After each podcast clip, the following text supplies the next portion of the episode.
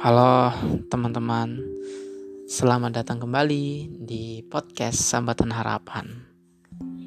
Ya, kena kesibukan ya, kita tidak berjumpa setelah sekian lama, berbulan-bulan, tapi jangan khawatir.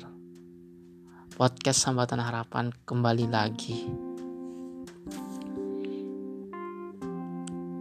Ketika episode pertama kita menjelaskan atau kita sharing-sharing nih perihal hantu kehidupan. Tapi episode kedua kita akan sharing-sharing mengenai bagaimana kita bisa menerima keadaan kayak gitu. Terkadang kita melupakan yang namanya konsep, yaitu konsep kehidupan. Kita sebagai manusia tidak akan jauh dari sebuah masalah. Ya, permasalahan itu bisa kecil dan bisa menjadi besar. Permasalahan besar bisa terlihat kecil, tapi permasalahan kecil bisa terlihat besar. Tinggal bagaimana cara kita menyikapinya sebuah permasalahan.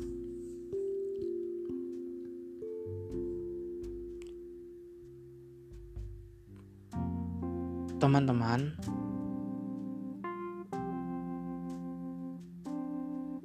tentang menerima keadaan, bukan kita berpikir atau kita berpandangan bahwasanya menerima keadaan itu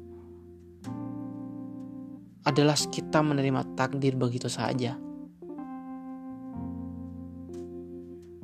Tapi yang aku bahas pada kali ini menerima keadaan dalam artian kita bersabar, tetapi kita juga tetap terus bergerak, berikhtiar semaksimal mungkin. Apa pun hasilnya, kita ikhtiarkan semaksimal mungkin.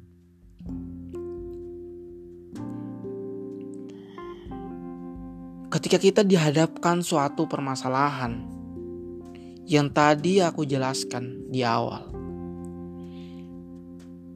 Tentunya, pikiran akan memberikan sebuah jalan untuk kita menghadapinya.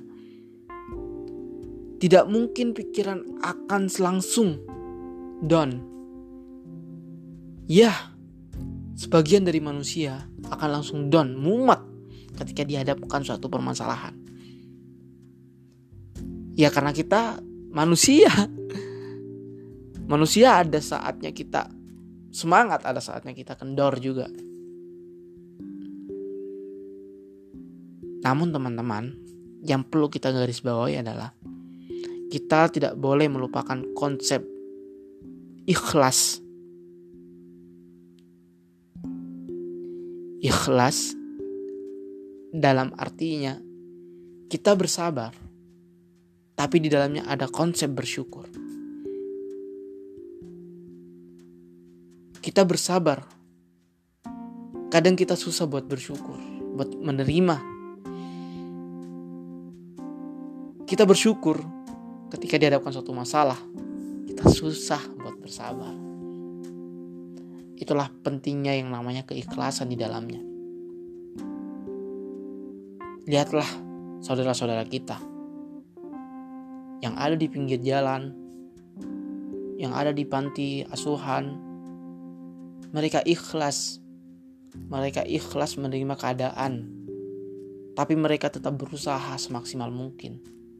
Saudara-saudara kita di pinggir jalan, mereka untuk mencari kebutuhan hidupnya. Mereka mulung, mereka ngamen, tapi mereka berusaha tidak ada yang namanya menyerah untuk kehidupan.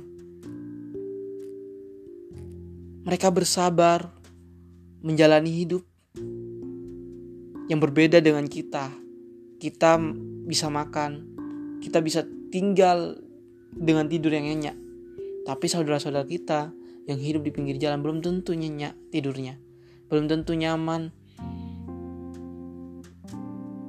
Nah, harusnya kita sebagai manusia harusnya ada yang namanya bersabar, bersabar dalam diri kita. Tanamkan dalam hati kita, kita harus bersabar. Jangan terus-terus menyalahkan kondisi ketika dihadapkan masalah. Terima dengan hati. Lalu kita bersabar dalam menerimanya. Tidak perlu kita mencaci maki, tidak perlu mencelah keadaan. Gak perlu. Itu justru melukai hati kita sendiri. Itu justru menurunkan mental kita sendiri. Buat teman-teman yang merasa ekonominya kurang, tetaplah bersabar, tetaplah berusaha semaksimal mungkin. Kita bisa sukses tidak ada kata menyerah. Tidak ada kata untuk putus asa. Kita bisa. Lihatlah mereka bersabar. Lalu ketika mendapatkan hasil yang kecil, mereka bersyukur, teman-teman. Mereka bersyukur. Ayo kita buka pikiran kita selebar-lebarnya, melihat kondisi di bawah kita. Jangan terus-terus kita melihat kondisi di atas kita. Ada teman kita yang punya mobil, kita ngeluh. Atau kita menyalahkan Tuhan. Kenapa kondisi saya tidak bisa memiliki mobil? Tidak perlu. Karena kita harus sadar teman-teman. Rezeki manusia sudah ada jalannya masing-masing. Tinggal bagaimana kita cara meraihnya rezeki itu. Kita berusaha, kita bersyukur. Itu sudah sebagian rezeki kita gitu. Rezeki bukan muluk-muluk tentang materi. Kita bisa bernafas. Itu sudah rezeki teman-teman. Kita bisa melihat kanan kiri kita, saudara-saudara kita itu sebagian dari rezeki. Jadi kata-kata rezeki jangan terlalu luas lingkupnya. Jadi jangan terlalu dipersempit. Mohon maaf. Jangan terlalu dipersempit tentang materi saja, tapi kita bisa tidur itu sudah sebagian dari rezeki. Kita bisa buang air besar, buang air kecil itu sebagian dari rezeki. Jadi jangan mempersempit Jangan mempersempit konsep tentang rezeki itu. Ayolah bersyukur teman-teman. Lihat juga yang ada di panti asuhan. Mereka jauh dari keluarga.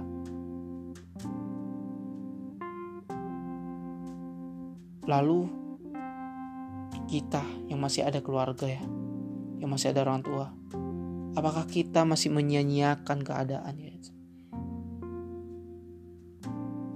Jangan melihat keluarga orang lain ya itu. Mungkin teman kita kaya raya, keluarganya sukses. Lalu keluarga kita masih sederhana. Ya sudah, jangan menyalahkan orang tua. Justru saatnya kita sebagai anak muda membuktikan gitu loh Ayo kita putus rantai. Dalam arti putus rantai ekonomi keluarga yang awalnya sederhana. Ayo kita bisa sukseskan bareng-bareng itu. Kita angkat derajat keluarga kita.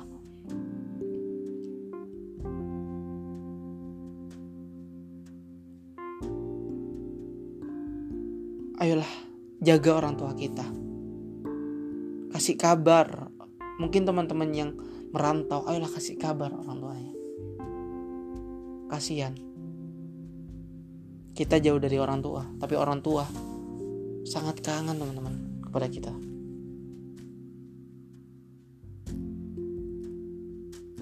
Itulah teman-teman. Pentingnya kita untuk ikhlas dalam segala sesuatu. Bersabar menerima permasalahan. Bersyukur ketika kita mendapatkan kenikmatan kita tidak boleh memisahkan keduanya. Karena keduanya sebagian dari yang namanya kehidupan. Tetap semangat,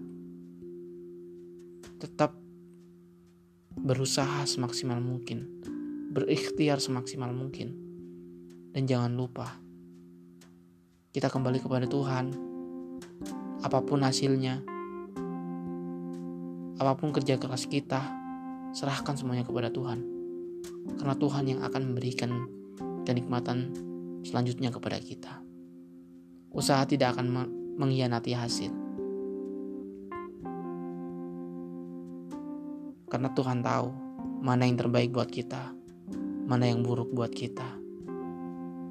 Yang nantinya Tuhan akan selalu memberikan kebahagiaan buat kita, memberikan kesenangan buat kita.